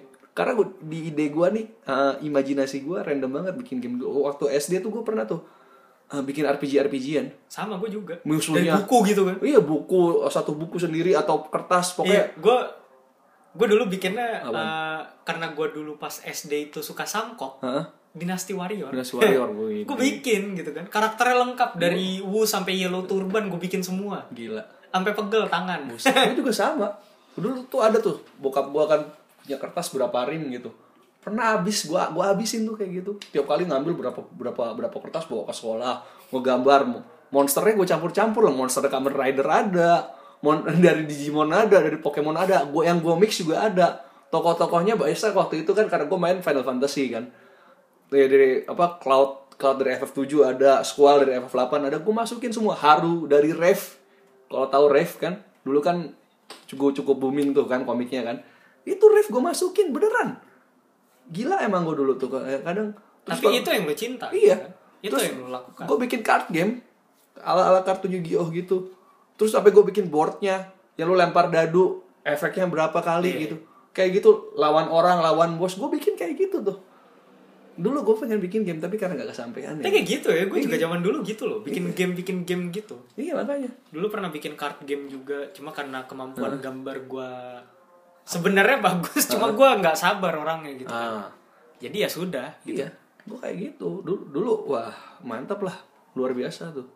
Mantap luar biasa. iya, contohnya tuh kayak gitu tuh. Ya kalau sekarang Itu ya lo lakukan apa yang lo cinta. apa ya sekarang misal lu lu nggak suka sama pekerjaan lu gitu terus kalau gue gak suka sama pekerjaan gue apa lu resign jangan jangan dulu kalau belum nemu Iya. kalau belum nemu ah, lu mau ngapain jangan resign dulu ya kalau belum nemu tempat yang lebih baik dan udah pasti terjamin jangan resign dulu tapi maksudnya ya lu di sela-sela kerjaan lu yang membosankan menjenuhkan itu lu ngapain kan bisa ya Nih kayak misalkan lu nih, tadi kan lu bilang Hmm. eh, mau bikin biro psikologi, tapi nggak kesampaian. Ya udah, dia ikut bikin podcast sama gue kenapa? Karena dia pengen menyampaikan Heeh. biar orang tuh lebih sadar. Iya. kalau bahasan-bahasan tabu macam psikologi atau keluarga yang toksik atau apa pun itu yang kita bahas selama 19 episode belakangan Heeh. itu patut dibahas. Ya padahal dibahas. Sebenarnya nggak masalah. Sebenarnya nggak masalah. Dan kalau misalkan kita jadi voice of the voiceless juga ya nggak masalah juga. Dan kalau misalkan lu pengen cerita sama kita juga nggak masalah juga gitu kan bisa kontak kita gitu nggak masalah. Iya. Gitu. Terus yang keenam realize that bad things happen to everyone. Nah ini salah satu yang paling sering kejadian. Hmm. orang tuh nggak sadar kalau se- iya semua orang semua orang uh, mengalami hal yang buruk. Tapi bukan berarti semua orang itu punya uh, derajat sakit yang sama. Hmm. kayak misalkan contoh nih gue pernah berantem sama satu orang Eh, dan gue bilang lu nggak pernah kan ngerasain gimana rasanya lu pengen bunuh diri sampai mimpi tiap hari? Dan lu nggak pernah kan ngerasain gimana rasanya lu nggak tahu apa yang mau laku lu lakuin karena bahkan mood lu aja naik turun Hmm. dan lu nggak tahu kenapa bisa kayak gitu. Hmm. terus habis itu apa yang dibilang orang ini ya gue juga pengen mati gue juga pengen eh gue juga kayak gitu gue juga kayak gini terus habis itu dia dengan entengnya ngomong kayak gitu. Terus ya ya kayak yang lu bilang tadi sebelum kita ngerekam ini Hmm. orang tuh saling melengkapi. Kenapa? Karena yang satu punya pengalaman Iya. A yang satu punya pengalaman B. Nah dengan ra- dengan orang yang gua ajak ngomong ini dengan cara dia ngomong kayak gitu dia tuh nggak ngerasa kalau derajat kesakitan seseorang tuh beda-beda gitu itu pertama dia nggak peka sama hal itu Hmm. dia pernah cerita tentang cinta-cintaan sama gua Hmm. dan dia nangis gara-gara orang yang dia suka Hmm. terus habis itu apa gue bilang lu tuh nggak realistis Hmm. lu tuh gak realistis karena kisah cinta-cintaan lu tuh remeh-temeh gitu. Enggak. Iya di otak gua gua ngerasa kalau itu remeh-temeh, tapi apa gue bilang ke dia? Enggak. Nah. Kenapa? Karena gue pengen ngejaga perasaan dia. Iya. Karena penderitaan orang itu beda-beda. Semua orang tuh menderita. Iya. Tapi punya derajat sakit yang beda-beda. Iya. Di situ yang jadi masalah. Lu bisa sakit gara-gara cinta-cintaan doang. Gue bisa sakit gara-gara gue pengen bunuh diri. Nah. Aldo bisa sakit gara-gara misalkan apa? Misalkan Main game kalah gitu. main game kalah gitu kan Main atau game atau misalkan kali? Dia ngerasa kalau hubungan hubungan cintanya tuh nggak beruntung gitu Nah. kan bukan hubungan cinta yang sehat gitu Nah. kan ya bisa aja Iya. gitu dan apa gue mesti bilang ke dia ya ya lah semuanya juga kayak gitu kali Nah. cinta-cintaan mah gitu Iya. doang gitu Iya. gue nggak punya hak dan gue nggak punya privilege buat ngatain kalau penderitaan orang itu lebih enteng daripada penderitaan gue enggak Hmm. tapi gue bisa ngerasa kalau itu remeh temeh dibanding gue Iya. apa gue harus sampein enggak Enggak, enggak masalah. Lu lu ngerasa kayak apa sih begitu banget? Kayak Iya. contoh ya, gue ngeliat temen-temen gue yang cinta-cintaan di Instagram. Terus tiba-tiba putus ngapus Terus tiba-tiba putus, satu ngapus akun. Instagramnya Iya gara-gara kan? Gua terlalu kalau- banyak gitu gue kan ngeliat kayak apa sih cheesy banget gitu. Atau Iya. mungkin tiap kali em, apa ceweknya atau cowoknya gitu kan ngasih ucapan selamat tidur di update di instastory gitu kan. Ah, kayak kita tuh ngelihatnya meh Kayak- banget kayak gue ngeliatnya kayak ya siapa sih cheesy gitu. Tapi gue nggak langsung komen ke ke dia. dia. Eh lu ngapain sih jing gitu. iya lu menyakiti orang gitu enak tau nggak gue ngeliatnya enggak, Enggak. pak meskipun kadang gue bercandain gue bercandain kayak kamu tidak menghargai yang jomblo gitu. Contoh. Dan mereka juga ketawa. mereka juga ketawa. Tapi gak gue tai-taiin langsung gue ngomong kayak apa sih lu cheesy banget deh klise banget deh lu jet? Gitu. Nggak nggak kayak gitu gue dan dan ya itu se se apa ya semenderita menderitanya orang yang lo lakukan pertama adalah ya balik lagi ke Ya, poin pertama empati. Dengerin dulu. Dengar dulu kau. Iya. Lo tuh nggak bisa berempati kalau lo nggak denger dulu itu Iya, lu pertama. gimana? Emang lu Kedua- punya apa? kedua lo tuh gimana ya? Gue mungkin ngejelasin ini berkali-kali sih. Hmm. manusia tuh harus punya empati sebenarnya. Ya di saat dia nggak mau dengar atau di saat dia menghakimi orang lain cuma karena penderitaannya yang dirasa lebih berat hmm. itu namanya lu nggak berempati sama dia gitu. Iya. Kenapa harus berempati? Ya karena mungkin di suatu saat nanti ketika lu cerita sama dia dia berempati sama lu ya itu hukum timbal baliknya. Ya kasarnya kayak gitulah. Betul. Lu mau lu mau teori yang paling gampang ya itu. Betul. Norm of reciprocity norma timbal balik. Ya gua gak bakal ngomong ke Aldo ketika Aldo eh, dibilang sesuatu yang menyakitkan atau di saat dia mengalami sesuatu yang menyakitkan terus dibilang ya lu sih gini gini gini Ya. gitu ketika dia ketika dia pengen cerita apa ya gue berusaha berempati dulu. Iya. kenapa? Karena itu gue learn learn the hard way. Iya. gak semua orang pengen denger bacotan lu dulu. Mereka pengen didengar Iya. dengerin dulu.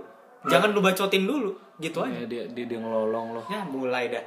Ya udah jam 6 aja ya, Ya. Iya. jadi kayak ya nggak semua orang tuh butuh nasihat lu. Iya. sekalipun dia mereka butuh nasihat lu. Mereka bakal nanya. Mereka bakal nanya. Istilahnya gini sih kayak lebih ke lu jualan obat ya lu tahu nih obat bagus. Cuman kan nggak semua orang butuh obat yang sama. Iya. Kayak yang lu tawarin. ketika ketika orang lagi sakit perut Nah, lu jualnya obat pusing kan nggak Iya, mungkin beda. dia beli obat pusing gitu kan? Iya lu punya ini mau minum obat lu lu kayak perlu. Ya dia perlu obat bener tapi obatnya nggak ya lu- spesifik gitu. Ya lu punya panadol dia diare gitu. Orang diare minum panadol nggak nyambung. Itu jaka sembung namanya. Iya gimana gitu kan ya contoh ya kayak begitu ya. Terus uh, dan lagi maksudnya realize bad thing happen to everyone. Jadi ada orang yang titik startnya beda ya. Misalkan dia lahir di keluarga berada. Dia start di 50 nah dia di lahir di keluarga sultan. Dia udah langsung start di 99 gitu kan. Contohnya kan. Sedangkan ada, ada, yang orang yang di keluarga yang tidak berada. Iya. startnya di nol. Iya. kalau nggak startnya di setengah. Atau juga ada aja yang yang dia start lahir-lahir terus keluarganya punya utang 2 miliar gitu nah. Iya. Salah dia gitu kan. Enggak kan? Ya, contohnya kayak begitu. Jadi eh, ini sekalian gue ngomong ya. Buat kalian yang masih cari pasangan yang mapan yang maunya terima jadi doang dia bener-bener mapan langsung jebret jadi kayak gitu lu nggak lihat mereka di balik layar kayak apa. Dan kalau lu mau lihat yang langsung mapan mereka bisa aja hak, no- apa nolak lu loh dan terus pas ditolak jangan langsung baper. Kayak iya apa sih? Kan gue udah punya ini gue punya. Bisa jadi dia ngeliatnya sama kayak lu ngelihat orang yang masih di dalam proses masih yang belum mapan itu. Mungkin dia ngeliat lu mungkin misalkan ya teman-teman yang wanita ya eh, suka sama yang kayak opa-opa Korea gitu ya. Yang ganteng perawatan badannya kotak-kotak. Terus roti sobek. roti sobek gitu kan. Terus ke mana-mana pakainya Lambo gitu. Contoh begitu ya pakai nah, HP-nya Ainun X gitu kan nah Ainun anjir terus Sam Samkok S10 gitu Samkok lo gue ngomongnya ya contoh begitu gitu ya Eh, terus lo ada temen lu masih masih kerja lembur bagai kuda gitu ya HP-nya masih Asia HP-nya eh, nggak Asia lah. HP-nya HP-nya Xiaomi. Terus ih gak level gua. HP cuma Xiaomi. Mobilnya ini, mobilnya apa ya? Kijang doyok gitu Kijang doyok gitu kan. Sedangkan yang satu lagi Pajero gitu yang yang tadi ya, pasukan jenggot otak separuh. pasukan jenggot rasul gitu ya. Jadi eh, jangan Pajero lah, eh, Lambo gitu ya. Terus lu eh, lu gak lu gak level lu, lu punya apa tadi? Kijang doyok sama HP Xiaomi aja lu. Eh, mau deketin gua, gua tuh levelnya kayak gitu. Nah, si si Opa ini ngeliat lu kayak apaan sih ini orang apaan sih nih orang? Pansos amat apa pakai kosmetik KW2 aja gitu kan. banyak gaya. Banyak gaya gitu kan. ada yang kayak gitu. Ada yang kayak gitu dah dan pas digituin lah kan lu kan nggak enak tuh ya kan nggak. Makanya lu ngeliat orang tuh jangan langsung terima jadi. Karena yang karena lu lihat orang yang udah jadi belum tentu dia juga mau sama lu gitu ya. Ini kagak cowok kagak cewek sama cowok nggak aja. cewek ya sama aja ya semuanya ya tapi kan fenomena yang gua paling sering lihat kan begitu tuh banyak tuh cewek-cewek yang jual mahal. Ya cowok jual mahal juga ada sih. Juga ada gitu. Tapi biasanya cowok lebih mencari cewek yang bisa diajak susah.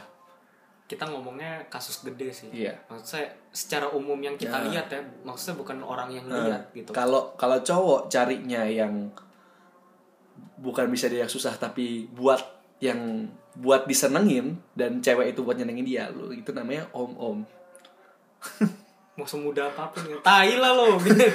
Gak gitu juga anjir. Paman-paman. Yang biasanya itu ya udah. Om om tuh yang biasa kayak gitu. Itu udah beda cerita lah. Iya. udah beda spektrum lah. Udah beda spektrum. Lu lu mau cari pasangan hidup om om gitu ya. Terserah lu sih. Lu Ya, mau cari pasangan hidup masalah. tante tante ya terserah lu. Kalau emang lu doyan doyannya yang seperti itu yang nggak masalah. ya nggak masalah juga. Itu Nggak hak lo gitu. Tapi kalau misal lu mau cari yang sebaya, yang seumuran, yang beda beda paling jauh 10 eh, 5 10 tahun ya kalau misal sama-sama lagi struggle ya itu justru bumbu nikmati struggle dulu bumbu cinta lu tuh di situ justru itu yang bikin cinta jadi ya kan. Kalau langsung jadi apa apa bagusnya gitu istilahnya dia dia kaya gara-gara ngecit gitu. ngecit maksudnya warisan bapaknya gitu. itu ya. sama aja kayak gini lu main GTA Ah. terus tiba-tiba lu jadi kaya gitu lu Iya. nge-cheat Lu ngecit apa? main sejam dua jam asik kalau udah di atas tiga jam mah Ya, kagak enak bosen kan ngapain Bosen. lagi gua gitu. ngapain lagi siapa lagi yang mau gua Heeh. grecokin hidupnya gitu Iya. kan Nah, itu makanya ya jadi eh, kalau lu bisa membuka wawasan lu seperti itu, itu akan membuat lu jadi manusia semakin lebih baik gitu ya. iya Ini gue ngomong gini bukan berarti ah lu karena jomblo aja lu ya. Makanya lu ngomong kayak gitu kalau udah laku juga gak akan ngomong kayak gitu. Enggak. Ini gue ngomong berdasarkan fakta dan data dari yang gue baca ini gue simpulkan begini gitu ya dan More or less. more or less gitu kan kalau lu tanya datanya dari mana relevan apa enggak kebanyakan ntar kepanjangan ini aja udah satu jam 4 menit Bodoh amat. Ini Lanjut. masih banyak, masih tiga lagi. lanjut nomor 7 Tujuh, have a thirst for knowledge and curiosity about the world around you. Ya itu Nah. sama kayak yang tadi gue bilang, ya kerjakan apa yang lo cinta. Heeh. Iya, gue nggak bisa jadi barista karena gue nggak punya kemampuannya. Gimana caranya? Belajar. iya Susah amat. Lu- Lu, mau jawab apaan lagi gitu kan? iya lu mau jadi conqueror di AOV tapi mainnya masih sebagai domba ya belajar Iya, belajar. mainnya lu ranknya taruhlah jangan jangan joki ya kalau misal gue mau jadi conqueror joki aja ya lu bayar orang gitu joki Ya bisa, tapi lu Bisa sih. dapet pengetahuan yang cukup tapi buat tapi pas lu main di conqueror paling didomba-dombain di di kampret-kampretin sama orang nih apa sih Ya lu conqueror dengan standar bronze tetap standar bronze ngapain lu nggak belajar dari apa-apa gitu. iya mendingan lu newbie eh, misalkan ada game baru gitu ya MOBA juga misalnya newbie lu bronze tapi skill lu skill conqueror Iya. Mending orang gitu. orang bakal lebih menghargai. lu. Iya. Kenapa? Karena proses belajar lu itu yang dilihat. iya ya jadi jangan Banyak orang ber- berpatokan sama hasil, iya tapi mereka nggak pernah tahu kalau yang dinikmati itu malah prosesnya. sekali lagi soal proses ya sering kali orang kalau ketika gagal ketika lagi proses ngomongin soal yang di ngomong yang penting kan proses ya tapi ketika orang udah berhasil dan melihat temennya masih proses atau atau rivalnya atau mungkin anak didiknya masih proses yang ditekanin malah hasil Iya, kan somplak kan dibilang lihat dong kayak gua gitu. Iya. Wah, laknat kamu ya. Iya, somplak lu udah sombong congkak kamu ya Iya, iya gitu. tamak dan loba. ya proses emang proses semuanya proses kok nggak masalah lu lu masih masih apa namanya? Cemongan gitu ya. Cemong ya bukan cebong ya. Cemongan gitu kan. Iya, masih masih ampas, masih kerjaannya mati-mati mulu gitu Heeh. kalau main game. iya kan? Nggak apa-apa. Nikmati aja. Win rate lu masih 40% gitu. 12%. buset. Ada sih gua gua pernah lihat itu seribu eh, game lain sih. Matchnya udah seribu seribu empat ratus pakai satu hero itu. Win rate cuma 12% tuh gimana gitu ya? Bah, itu itu entah entah dia bebel gak belajar atau emang sengaja nggak tahu deh. Atau emang dia baru berhasil di akhir. ya. Kan bisa jadi Bisa 12% itu mulai dari seribu. pertandingan ke 880 sampai 1000 tuh kan. iya kan bisa jadi. Iya. contoh tuh kayak gitu gitu ya. Jadi eh, ya proses eh, pengetahuan itu dipelajari bukan di achieve kayak lu beli barang gitu ya. Lu pelajari lu latih gitu kan. Dialami. Dialami karena proses itu yang lebih berharga daripada hasil hasilnya hasilnya gagal bodo amat. Tapi Iya. lu udah tahu gimana caranya mentackle kegagalan itu kan Wah. di lain kali gitu aja. iya jadi kalau nabrak ya belok Iya. Tapi lu tahu nabraknya kenapa? Kalau lu nggak nabrak-nabrak, ya bagus, tandanya lu bagus. Tapi bener nggak lu nabraknya? Lu nggak nabrak itu karena Tabrakan tabrakan selanjutnya bakal jauh lebih gede Mhm. Atau emang lu pro banget sampai nggak nggak pernah nabrak lagi nah gitu. itu. Nah itu ya, tet- makanya tetap terus belajar gitu ya. Iya. Dan selalu Bertawakal tadi. bertawakal, selalu mikir, mikirlah apa yang masih kurang, apa yang perlu di iya. ini. Jangan evaluasi. jangan berasa jadi jago Hmm. karena ketika itu kayak kayak quote-nya Dwight Schrute Apa? di di Office Hah? dibilang eh, always a padawan never a Jedi. Nah, Itu selalu jadi murid, jangan pernah jadi guru. iya. Kenapa? Karena di saat lu jadi murid terus ya lu bakal nyari pengetahuan terus. Iya. nggak bakal berhenti Karena ya bener. gitu. Itu ya. Deh, terus yang kedelapan, find out how to take care of your of yourself first. Yourself. Yourself. Yourself, jadi mame. jadi kalau ini paling gampangnya adalah ya lu egois. Orang bilang, Nah, tapi kadang egoisme lu itu menyelamatkan diri lu. ya kayak tadi contohnya tuh yang temen gua iya Dia putus dari pasangannya. Ya kenapa? Karena dia pengen menyelamatkan dirinya. Dia udah ngerasa cukup iya atas kesakitan itu iya gitu. betul jadi Daripada lu sakit lebih lanjut, hubungi dokter gitu kan, ngapain? Mendingan berhenti aja dulu. lebih baik mencegah daripada mengobati Iya. Apalagi udah jelas terluka cukup banyak masih mau dilanjutin ya ya lu apaan? Lu main lu pacaran apa lu main smackdown? Iya. apalagi kalau abusive gitu. Ya apalagi kalau abusive. Itu sakit banget. Nah itu ya, jadi uh, how to take care of yourself first. Jadi ya nggak masalah ada kalanya anda menarik diri dari hal apa pun itu. Misalkan tadi main game capek, ya Berhenti tapi- dulu. berhenti dulu, makan masalah minum, makan dulu gitu, boker. Ya kan, mandi, gak usah lepaskan pikiran lo dari situ. Hah? Yoga dulu, yoga fire, tapi benar maksudnya ketika ketika orang lain bilang lo egois kadang tuh sebenarnya bukan egois. Tapi mereka tuh haus dikasih makan egonya. Ya. dan di saat mereka nggak dikasih makan egonya lagi mereka ngerasa lo egois padahal enggak Jadi lo gini, berusaha menyelamatkan diri lo sendiri. Jadi gini ya, buat teman-teman nih ya yang mungkin ngefans sama satu satu public figure, satu pemuka agama nge DM-in tiap hari, ini karena ada kasusnya ya. Dan itu menurut gue ngapain sih lu kalian tuh haus pengakuan banget sama dia ya. Ada nge DM dan di screenshot sama yang pemuka agama atau public figure ini dikasih tahu, hmm.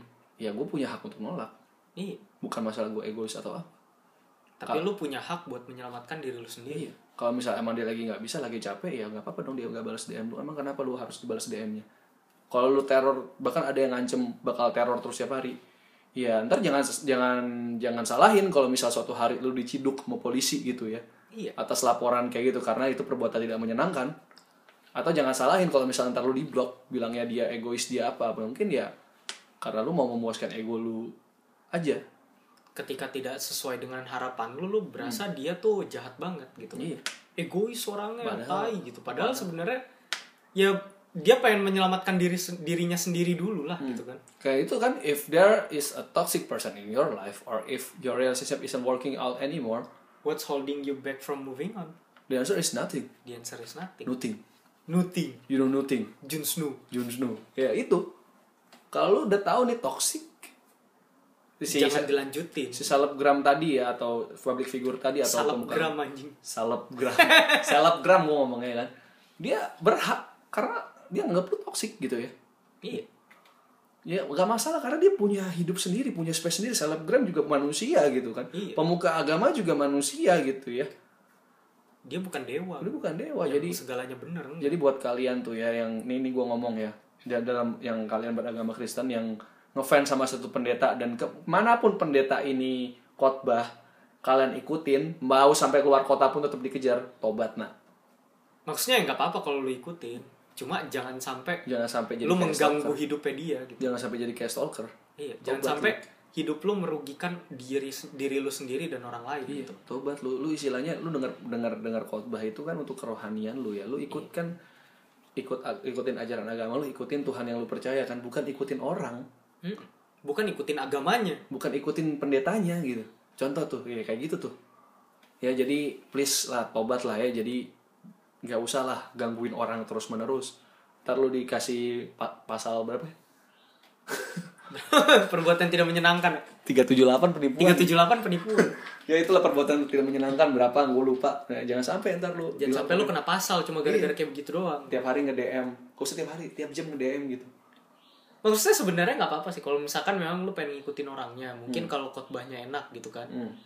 ya balik lagi selama itu tidak merugikan lu dan tidak merugikan dia nggak masalah. Tapi di saat itu udah merugikan dia dan menakutkan dia Nah, itu udah masalah buat dia.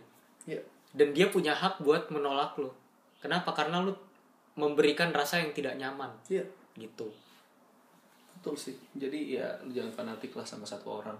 iya. Fanatiknya sampai ganggu hidupnya ya. iya itu nggak boleh Itu itu udah kacau sih lo. dah Udah lanjut. poin terakhir learn how to forgive yourself Nah, ini di saat ini ini sebenarnya paling sulit scroll scroll. ini paling susah Nah, iklan dulu ya. kenapa Ada panggilan. ada panggilan Ini ya udah lanjut. setelah komersial break ini udah satu jam 14 menit. Mungkin jadi episode terlama ini ya. Iyalah ini yang paling lama Ya, lanjut. Forgive Eh, yourself. ini ya. yang kesembilan ya Forgive yourself, yo. mengampuni diri lu sendiri Ya. jadi eh, ini agak relatable buat gue sih Hmm.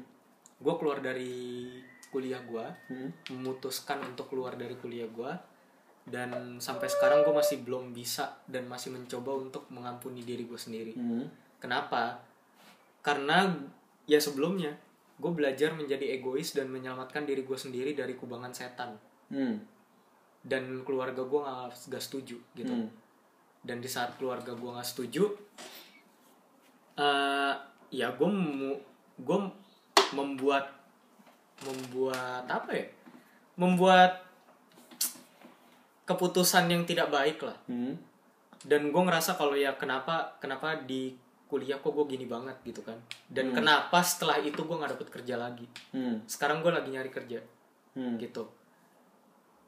Eh gue selalu bertanya-tanya kayak gitu dan tiap malam gue bisa dibilang bangun bangun dini hari gue bisa nangis gitu. Hmm. kenapa? Karena depresinya lumayan kencang gitu. Hmm. nah kenapa eh, bisa terjadi kayak gitu? Karena mungkin gue belum meminta maaf dengan diri gue sendiri gitu Hmm. yang gue suka gembar-gemborin ke lu dari zaman dulu make peace with yourself Hmm. sekarang nggak waktunya gue buat kayak gitu Hmm. gue lagi nggak bisa gitu kan Hmm. Eh, diri gue lagi nggak nggak sehebat itu buat dengan gampangnya memaafkan diri gue sendiri gitu Ah.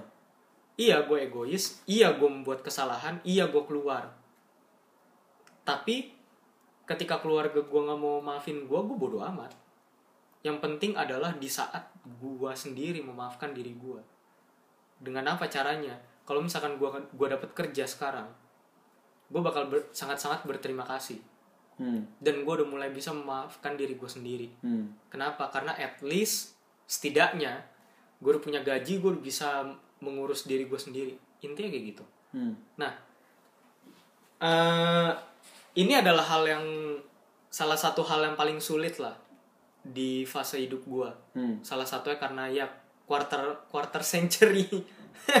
Kita udah 25 tahun men dan ini Padahal- midlife crisis gitu. Midlife. Iyalah, Nggak midlife sih sebenarnya sepertiga. ini udah midlife, bro. ini ini maksudnya udah masuk ke tengah-tengah. Udah mulai ke tengah-tengah, udah udah mulai udah mulai Kan orang bilang kan 25 tahun tuh quarter life ya padahal ya kan quarter life crisis. orang paling hidup 70 tahun. 75 Dan, dan tahun. kalau dan, kalau ku- kalau kuat 80 tahun. Kalau masih bisa 90 dan 100 itu juga jika ku berkati. Lu kira ayat Alkitab anjir? Tahu juga lu. Tahu iya, kayak gitu ya. Nggak, tapi gini, eh, ini adalah salah satu keputusan yang sulit yang harus gue buat gitu. Dan ini adalah keputusan yang harus harus memang gue ambil Ah. dan ya gue nggak peduli keluarga gue menerima atau enggak bodoh amat gitu kan. Tapi di saat diri gue sendiri ini masih tidak terima gue harus dapat sesuatu yang menyibukkan gue gitu. Dan itu bisa bikin gue jadi memaafkan diri gue sendiri. Hmm. nah itu sebenarnya yang bikin susah. Di saat lo mau mencoba buat hidup dengan Hmm. apa ya dengan cara yang baru dengan metode yang baru itu yang susah kan membiasakan diri lo lagi beradaptasi dengan itu tuh sulit gitu ya kalau memang lo belum bisa ya berproses aja kayak tadi hargain prosesnya Iya. nikmatin aja dulu Ya, nih kalau dari gua ya, gue pernah sih, gue pernah gagal sidang sekali. Terus gua nggak nggak maafin diri gue sendiri ya. Kenapa? Ya, kok sial amat gua gitu kan? Atau istilahnya bodoh banget gua nggak bisa mikir kayak gitu. Eh, gue tahu ini gak siap tapi kok main paksa. Harusnya kan kalau misalkan sidang periode selanjutnya aja nggak masalah, gitu kan? Hmm, beda berapa bulan gitu. Itu pikir gue waktu itu seperti itu. Tapi ya ujung-ujungnya selama akhirnya gue extend eh, satu semester lagi, di situ gue belajar banyak dan yang bikin gue jadi lebih manusiawi kayak sekarang. Karena pas waktu tanpa sadar waktu itu gue memahami kalau diri gue itu meskipun dalam sisi ada dalam fase-fase itu saltiness gue bertambah kadar asin salinitasnya tinggi Iya, salinitasnya tinggi ya. Mungkin udah kayak laut enggak, enggak, enggak, enggak kayak laut mati sih. itu pokoknya parah dan akhirnya gue mulai sadar nih gue nggak jadi manusia ya. Nah, dan pas ketika gue namanya juga kan pas gue sidang tuh ubah metode yang tadinya metodenya cuman perbandingan akhirnya jadi harus wawancara mendalami. Tapi pas gue wawancarai empat orang itu meskipun yang dipakai tiga di situ gue belajar sesuatu kalau ya mereka juga dalam proses sama kayak gue meskipun mereka ada fasenya yang masih berjuang untuk mendapatkan em, dalam skripsinya ada juga yang udah lulus ada juga yang masih bergumul cari kerjaan dan di situ gue ngeliat kayak oh ya mereka juga berjuang sama kayak gue perjuangan gue saat ini untuk lulus. Perjuangan mereka beda-beda. Dan dari situ yang bikin gue jadi kekuatan ya udah gue nggak perlu menyalahkan diri gue gitu ya. Itu pertama. Itu tahun 2016 ke 2017 2017 awal gue lulus. Terus setelah itu gue kerja di satu tempat yang membosankan. Akhirnya gue cabut. lagi. karena karena perjudian karena gue pikir gue pikir perjudian dalam kutip ya. Gue gak main judi beneran Eh, Gambling lah. gambling lah ya Gambling with the life. Heeh. ini ada potensi besar gue cobain aja tahu taunya Flop. flop I got nothing nggak nggak nggak literally nothing sih tapi ya bisa dibilang nothing Gak ada yang dipelajarin lah. Eh, Gak di- ada insight. dipelajarin ada insight ada tapi hasil yang gue kejar nggak ada Oke. terus gue kayak kalau insight ada ini ada eh, kayaknya gue harus jalanin ini deh karena yang gue kejar itu nggak dapet Proses tapi nggak punya result. proses tapi nggak punya result. Dan itu gue ini nggak nyalain diri sendiri nggak? Iya. Bahkan ada orang ngomong lu lu, lu, lu menyalahkan Tuhan ya? Enggak gue nggak menyalahkan Tuhan. Gue nyalain diri sendiri iya. Em, tapi setelah itu gue mikir ya ma- pasti masih bisa ke depannya. Pasti masih ada jalan lain gitu kan. Akhirnya gue apa? Gue memutuskan untuk S2 dan untuk pas gue tes S2 yang gue merasa kayak gue punya advantage lebih jadi agak setengah sombong gitu ya karena gue tahu materinya waktu S1 gimana Udah mulai taunting. gue tahu ka- Itu saja gimana. kemampuanmu. iya udah mulai counting itu saya kemampuan tahu tahu gue gak lolos sedangkan eh, eh, yang waktu itu gue ngobrol sama beberapa kolega pas waktu tes itu ada yang lolos padahal dia, dia have no idea dia S2 buat apa gitu ya awalnya gue sempat kayak wah ini gila sih masa gue nggak lulus gitu masa mereka mereka yang ini ini dalam konteks gue lagi sombong ya. Mereka mereka yang lebih bodoh itu nggak nggak nggak apa mereka lulus masa gue nggak gitu kan. Masa orang yang nggak nggak bisa bedain teori teori Maslow sama taksonomi belum aja lulus gue enggak Nah, itu gue mulai wah ini kampret nih. Wah ini gila nih. Ini kampus macam apa nih? Gue udah mulai kayak gitu. Mulai salahnya salah sini. Tapi tingkatan salin eh tingkat salinitasnya makin tinggi. Iya makin tinggi lagi. Karena kenapa? Perjudian gue pertama nggak berhasil waktu yang di 2017 itu.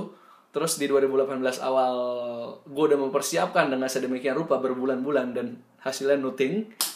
Terus gue langsung kayak anjay ini apa-apaan hidup gue dalam kondisi gak ke mana-mana.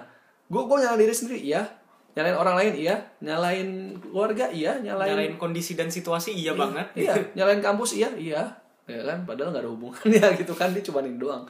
Ya, itu ya seperti itu ya. Tapi hasil, hasil bukan hasil, hasilnya gue baru ngerti kalau itu ada sebuah grand design nih gue bahasa gue udah mulai asal nih. Ada sebuah grand design yang lebih baik atas hidup gue dan hidup orang lain itu. Setelah gue tahu temen gue yang have no idea kenapa dia harus S2 itu, eh, pertimbangannya kampus lulusin dia adalah karena dia kerja di Papua dan lihat kondisi Papua sekarang lagi banyak pembangunan. Kalau misalkan orang ini nggak cepet-cepet dilulusin jadi S2 psikologi, Dia nggak bakal jadi pelopor di sana. dia dia mungkin akan lebih susah ke depannya untuk Papua punya fasilitas psikologi dan kesehatan mental yang lebih baik. Mungkin karena ini sekarang Papua lagi perkembangan pembangunan lagi cepat, ditambah dengan dia mungkin ada beberapa teman-temannya juga di kampus-kampus lain yang mempelajari psikologi juga itu kan bukannya jadi suatu uh, pelopor atau suatu fondasi yang besar untuk kesehatan mental di Papua lebih baik daripada sekarang. Itu dari situ gue ngeliat oh oke. Jadi uh, yang bikin gue bisa uh, move on adalah ya grand design itu lebih penting dan hidup ini nggak cuma tentang lo sob. Hidup ini tuh nggak cuma tentang lu. hidup ini nggak cuma tentang lo. Gak semuanya tentang lu. Itu kata-kata siapa ya? Gua. Oh ya.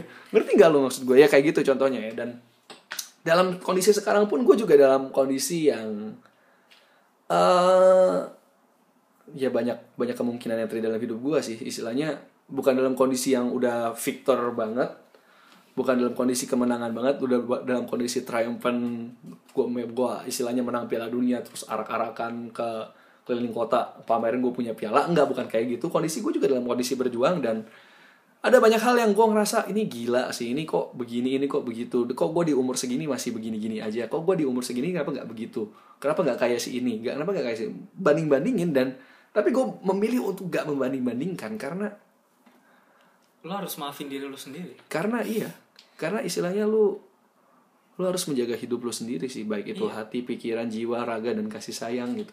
Lo harus tahu kapasitas diri lo sendiri. Iya. Kenapa? Karena membandingkan itu adalah kadang tuh nggak apple to apple. Iya benar. Kadang lu ngebandingin sama kesembek busuk tapi kadang lu bisa juga ngebandingin sama apel Fuji. Iya Gak, lu lu pisang bandingin sama pare gitu. iya kan nggak mungkin gitu. iya, tapi maksudnya gini beda lu ya. lu bisa ngebandingin sama yang lebih jelek tapi lebih hoki atau yang lebih bagus tapi lebih Iya. lebih sial dari lu gitu Iya kan lu nggak tahu itu kalau dibilang life is a game of chance tuh benar Iya. Waktu gue jadi ingat waktu itu minggu lalu ada yang nanya ke gue, lu percaya nggak sama kesempatan kedua? Lu percaya nggak? percaya Kenapa? Kesempatan kedua tuh nggak cuma di satu tempat itu yang jadi masalah Gue kurang lebih jawabannya mirip-mirip kayak gitu. iya Kurang lebih jawaban gue kayak gitu. Ya gak cuma di satu tempat. lu jadi orang itu kalau misalkan nih kasus paling gampang adalah dalam pacaran Nah. kalau lu selingkuh di awal terus habis itu lu diputusin kesempatan kedua itu bukan ada di mantan lu di cewek lain Ya. kalau misalkan lu jadi cowok di cowok lain kalau lu jadi cewek Iya. tapi ya jadi masalah itu ketika lu dikasih kesempatan kedua lu bisa nggak berubah yang lebih baik dulu Iya. di saat lu bisa berubah yang lebih baik lu dikasih kesempatan kedua di situ lu ngambil chance nya Iya. Iya, lu siap gak dengan kesempatan kedua itu gitu kan? Iya. Anjay, bahasa gue kayak kalau lu punya kesempatan kedua tapi lu nggak belajar dari kesalahan lo yang sebelumnya mah ya udah jadi tai kucing disambelin Iya. kasih bumbu rendang Jadi tai kucing bumbu sapi yang tambah tulang. itu ya jadi kayak gitu ya. Jadi ya kesempatan kedua itu salah satu kesempatan untuk memaafkan diri Anda. iya Terus gimana cara memaafkan diri Anda? Banyak caranya. Salah satunya tadi kalau gua kan dengan grand design ya. Lu ngelihat hidup ini gak cuma tentang lu. Hidup ini juga tentang Eh, orang lain tentang yang orang punya kesempatan juga tentang orang lain punya kesempatan dan lebih lagi kalau lu bisa berpikir global, gak tahu insight dari mana gitu. Siapa tahu lu dapet wangsit. anjing dapat wangsitnya dari air terjun lagi betapa Ini kan wangsit, wangsit ayam gitu kan. Wangsit udang, pangsit. pangsit Iya kan kalau misalnya udang namanya hakau ya kan ada di Hokben shrimp dumpling kan itu. Oh, ya itu hakau Hakau ya. Ya. Contoh kayak gitu ya lu dapat grand eh, dapat dapat wangsit, dapat insight dari mana nggak tahu lah, bisa dari macam-macam. Lu lihat secara kompleks kayak tadi gua akhirnya ya udah gua lihat gua aja udah gak apa-apa. Eh, gua sudah merelakan lu S2 S2 sana yang bener bener ya nak ya. Eh, jangan sia-siakan kesempatan ini bikin karya di Papua ya gitu ya. Kayak gitu contohnya. Karena di Papua lebih membutuhkan dibandingkan dengan gue yang di Jakarta. iya dan lu nggak dan kan? ketika lu mikir kayak gitu lu mikir selfless ya bagus buat lu Iya. bagus untuk kesehatan mental lu juga Iya gitu betul kan Contoh kayak gitu. tapi jangan savior kompleks juga itu maso namanya Nggak, nggak kompleks nggak apa-apa. enggak kok apa tuh kalau di kalau kebiasaan di tanah suci ya katanya. Ada. Jadi itu istilah kayak di misalkan lu lagi di Israel Heeh. gitu. Saya situ lu ke tembok ratapan dan segala macam dapat wangsit. Tiba-tiba lu ngerasa jadi kayak Mesias. Tuh ada namanya Mesaya Oh kompleks gitu ya. itu juga kelainan psikologis. Oh gitu ya. ketika lu misalkan ke Mekah atau Madinah ada juga yang kayak gitu. Oh. Nah, itu tuh. rasanya jadi Imam Mahdi gitu. Oh, iya bisa kayak gitu. Jadi kagak nyambung sih sebenarnya jadi, jadi masa ya udah tadi intermezzo doang. iya nggak tapi eh, kalau kesimpulannya ya Hmm. ini ngambil narik kesimpulannya ya sebenarnya grand design balik lagi ke kata-kata lu grand design dari eh, menjadi manusia yang decent Hah? menjadi manusia yang setidaknya berlaku baik dan mengasihi sesama Hah? rajin menabung penyayang binatang dan kawan-kawannya Hah? empati Iya. Jadi lu berempati dulu. Berempati sama orang lain berempati sama diri lu sendiri. Hmm. dah itu aja. Ketika lu punya empati buat diri lu sendiri dan orang lain udah. Lu bisa menjalani hidup lu dengan lebih baik. Iya. Betul. nggak semuanya harus dilawan tapi ketika lu sa lu nggak salah dan lu dihabisin lu harus bisa ngelawan. Iya. jangan sampai lu kekurangan amunisi di saat itu. Tapi lu harus bisa juga berempati sama orang lain. Tapi bukan berarti lu harus menghargai pendapat mereka yang udah nyakitin lu nggak juga gitu jadi ya udah ini podcast terpanjang kita Iya benar. hampir satu, satu setengah jam ya coba lihat coli coli coba lihat jam 29 menit 39 detik. Ya udah 20 eh, 11 detik, 10 detik. 20 detik lagi. Eh, sekian dari kita hari eh minggu ini cuma satu episode tapi satu setengah jam. Hmm. Eh, minggu depan mungkin kita bakal ketemu lagi. Iya. Eh, postingnya suka-suka gue. Ya. Bisa jadi minggu depan kalau misalkan si Aldo udah mulai kerja, eh, kita bakal minta izin di weekdays. Kalau misalkan nggak bisa ya udah weekend kita bikin. Heeh. Eh, segitu aja. Thank you banget udah dengerin sampai episode 20 semua orang eh, belajar jadi manusia Ya. dan see you next time. Bye bye. Bye.